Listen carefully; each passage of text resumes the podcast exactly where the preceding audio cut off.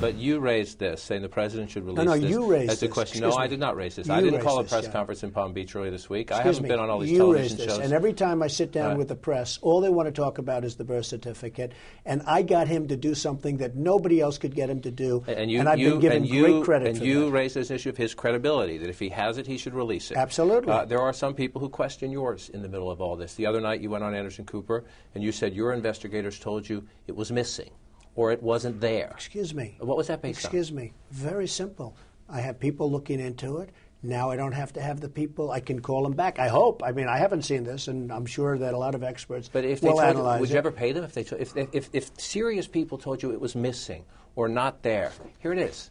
Here Would I pay is. them? I don't know. Maybe I'll let you negotiate Well, for me. some people okay? think you just I can that say up, this. though. Let me just tell you, I don't make up anything. Let me tell you something. I have done a great service to the American people. Ja, Donald Trump zegt: Ik heb de Amerikanen een dienst bewezen, want dankzij mij heeft president Obama zijn geboortebewijs gepubliceerd. Dit was in 2012, maar deze tactiek van Trump past hij toe nu ook op Nikki Haley.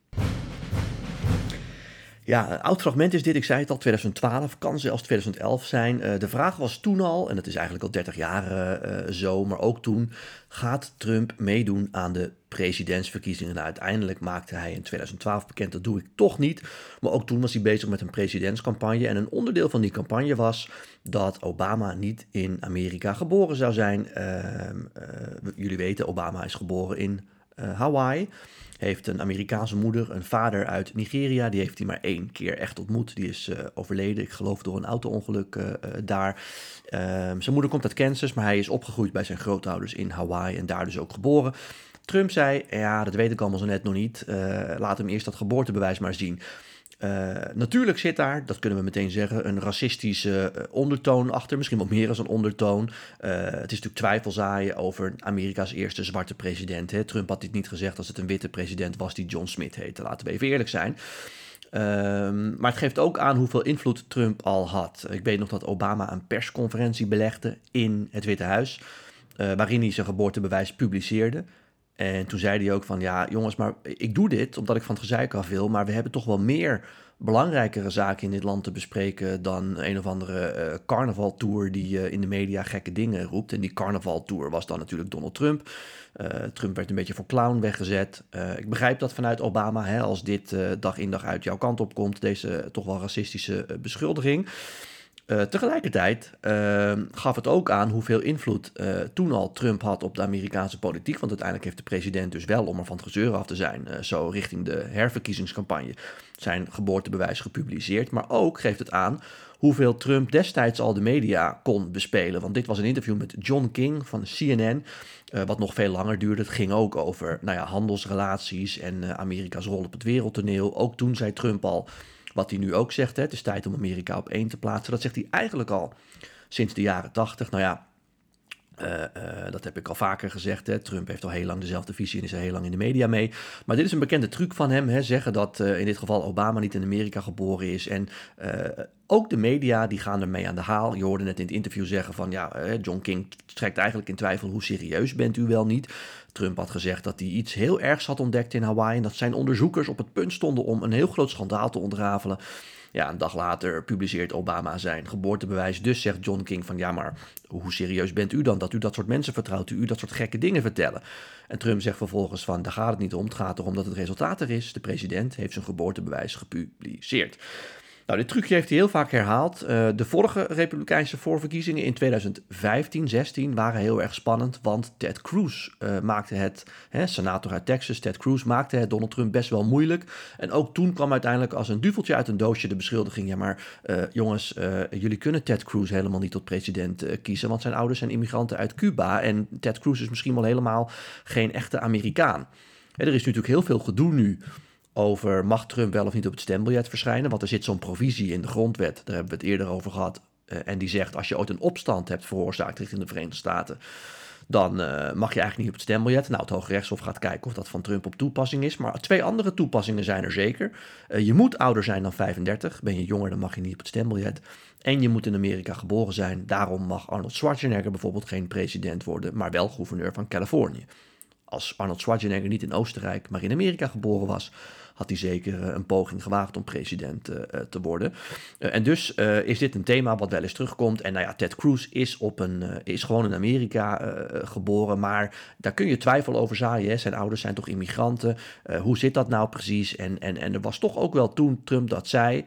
A, aandacht voor in de media. En B, bleek ook uit onderzoeken dat veel Republikeinse kiezers in één keer dachten van ja, maar uh, straks gaan we Ted Cruz tot onze presidentskandidaat nomineren. En zeggen de Democraten in het najaar, ja, maar hij mag helemaal geen president worden. Dus dat moeten we toch eens onderzoeken. Uh, dus dus, dus dat, dat is een soort zaadje wat Trump vaak plant en dat werkt heel goed. En dus komt ook nu weer die uh, tactiek van Trump naar voren richting Nikki Haley. Jullie kennen het, we hebben het in de vorige podcast besproken. Nikki Haley is nu volop campagne aan het voeren in New Hampshire, staat er goed voor in de peilingen. Als Trump daarvan haar wint, dan lijkt het mij over en uit. En hebben we in Trump opnieuw een presidentskandidaat van de Republikeinen. Maar als zij daarvan Trump wint, dan is er in ieder geval zicht op een tweestrijd. En ja, Trump wil dat gewoon zo snel mogelijk de kop indrukken. En dus komt daar nu alweer de beschuldiging. Hij twitterde daar vorige week al over. Nikki Haley kan helemaal geen president worden, want haar ouders komen uit India. Dat is uh, hartstikke gek. Nou, zo werkt dat natuurlijk niet. De moeder van Trump is trouwens uh, Schots, dus dat had uh, ook voor Trump dan op toepassing geweest. Maar toch wordt er een zaadje geplant, want zij is toch van Indiase afkomst. En dat kan toch eigenlijk helemaal niet. Een, een, een, zaadje dus met zeker een racistische ondertoon, die het heel goed doet bij republikeinse kiezers, waarin Trump eigenlijk zegt van ja, maar zij is niet eentje van ons. En dat bewijst hij ook deze week weer omdat hij een bericht heeft geplaatst op Truth Social, hè, zijn sociale media platform. Ik zit daar trouwens ook op sinds deze week, kan ik alles even goed in de gaten houden. En daarin noemt hij haar Nikki Nimrada Haley. En Nimrada zou, dan haar Indiaanse familienaam zijn. Uh, en dus is duidelijk dat hij weer een nieuwe nickname voor iemand heeft gevonden. Nikki Nimrada noemt hij er nu. En het is toch iedere keer maar weer om te laten zien dat zij van een immigrantenfamilie afkomstig is. En ja, daar zit dus ook weer onder, kan ze wel president worden of niet? Nou, dat kan ze. Uh, maar dat is toch een, een, een truc die hij nu weer toepast, die twee dingen bewijst. A, die truc die werkt, want hij heeft hem op Obama toegepast, op Ted Cruz en nu ook op Nikki Haley. Um, um, dus het is een, een, truc die hij niet voor niks uit zijn trucendoos uh, haalt. Uh, hij werkt gewoon, dat bleek ook eerder uit onderzoeken. Uh, veel republikeinen dachten dat Obama niet in Amerika geboren was en ook dat er bij Ted Cruz toch wel wat twijfels waren destijds. Dat kan dus nu ook weer gebeuren. En het tweede wat het laat zien is dat er toch wel degelijk die racistische ondertoon is in de Republikeinse voorverkiezingen.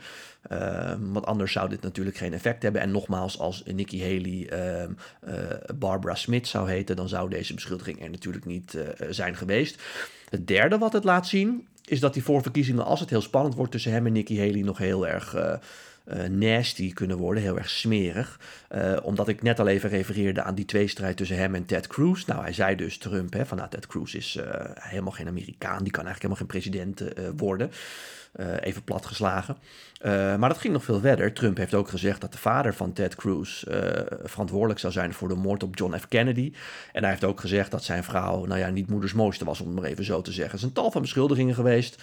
Uh, en ja, dat soort beschuldigingen wacht Nikki Haley natuurlijk ook als het echt moeilijk gaat worden. Want Trump gaat zeker niet zomaar down without a fight. Dus het kan nog eens heel spannend worden, maar dat hangt allemaal af van die voorverkiezingen volgende week in New Hampshire. Goed, tot zover weer. Dan naar jullie vragen. Die hebben jullie weer ingestuurd via Twitter, Instagram en LinkedIn. Ja, dat zijn er uh, veel, dus ik ga gewoon weer even mijn lijstje af. Uh, Dirk die vraagt, in hoeveel staten moet Trump eigenlijk winnen? Ja, ik neem aan Dirk dat dat dan gaat over de voorverkiezingen. Um, nou, in ieder geval de helft plus één. Hè? Um, maar het zou eventueel ook met minder kunnen. Uh, het hangt van de staat af. Um, of ze daar um, de gedelegeerden, dus de punten die je ermee kan verdienen, of ze dat via een winner-take-all systeem doen, of dat ze dat proportioneel toedienen. Dat wisselt per staat. Um, eigenlijk zou je ook kunnen zeggen, Trump hoeft er maar drie te winnen. Want als Trump wint in Iowa, wat hij gedaan heeft, als hij ook wint in New Hampshire, waar Nikki Haley haar hele campagne op heeft gebouwd, hè, en DeSantis had al eerder zijn hele campagne op... Uh, Iowa gebouwd. Ja, dan heeft hij eigenlijk die twee knock-out geslagen. Als hij dan vervolgens ook nog wint in South Carolina, de derde staat, waar Nikki Haley gouverneur van was en waar Ron DeSantis nu ja, zijn laatste veldslag probeert te strijden, ja, dan is hij eigenlijk al klaar. Dus het is heel erg zo'n, wat ik zeg, die voorverkiezingen hebben een eigen dynamiek. Uh, Obama en Clinton in 2008 waren ver tot in het voorjaar uh, begin zomer met elkaar aan het strijden om de nominatie. Dit kan in theorie na drie staten afgelopen zijn, omdat er gewoon geen tegenstanders meer zijn. Uh, maar het kan ook tot en met de zomer duren als Nikki Haley in New Hampshire wint, vervolgens in South Carolina ook kan winnen, of het 50-50 laat zijn. Ja, en dan gaan we naar Super Tuesday begin maart. En als die, dat ook spannend is, dan hebben we nog een hele spannende race. Dus het is heel moeilijk te zeggen in hoeveel staten je uh, precies moet winnen. Robert die vraagt: Vraag je wie mogen er momenteel stemmen in Amerika op de verkiezingen voor de presidentskandidaten? Alle stemgerechtigden of alleen de leden van de Republikeinse Partij? Of mogen Democraten ook stemmen in de Republikeinse voorverkiezingen? Ja, Robert, ook dat verschilt per staat. In um, Iowa bijvoorbeeld mocht je als je als Democraat geregistreerd stond uh, op de dag van de voorverkiezingen nog die registratie wijzigen naar Republikeins en vervolgens stemmen. Uh, in New Hampshire zegt de Republikeinse Partij, ja, iedereen mag hier stemmen. Dus ook onafhankelijke kiezers bijvoorbeeld. hoef je helemaal niet uh, te laten registreren. En in andere staten is dat weer veel, uh, veel strenger. Dus dat hangt puur van de staat af. En ja, dan kom ik terug op het punt wat ik altijd vertel.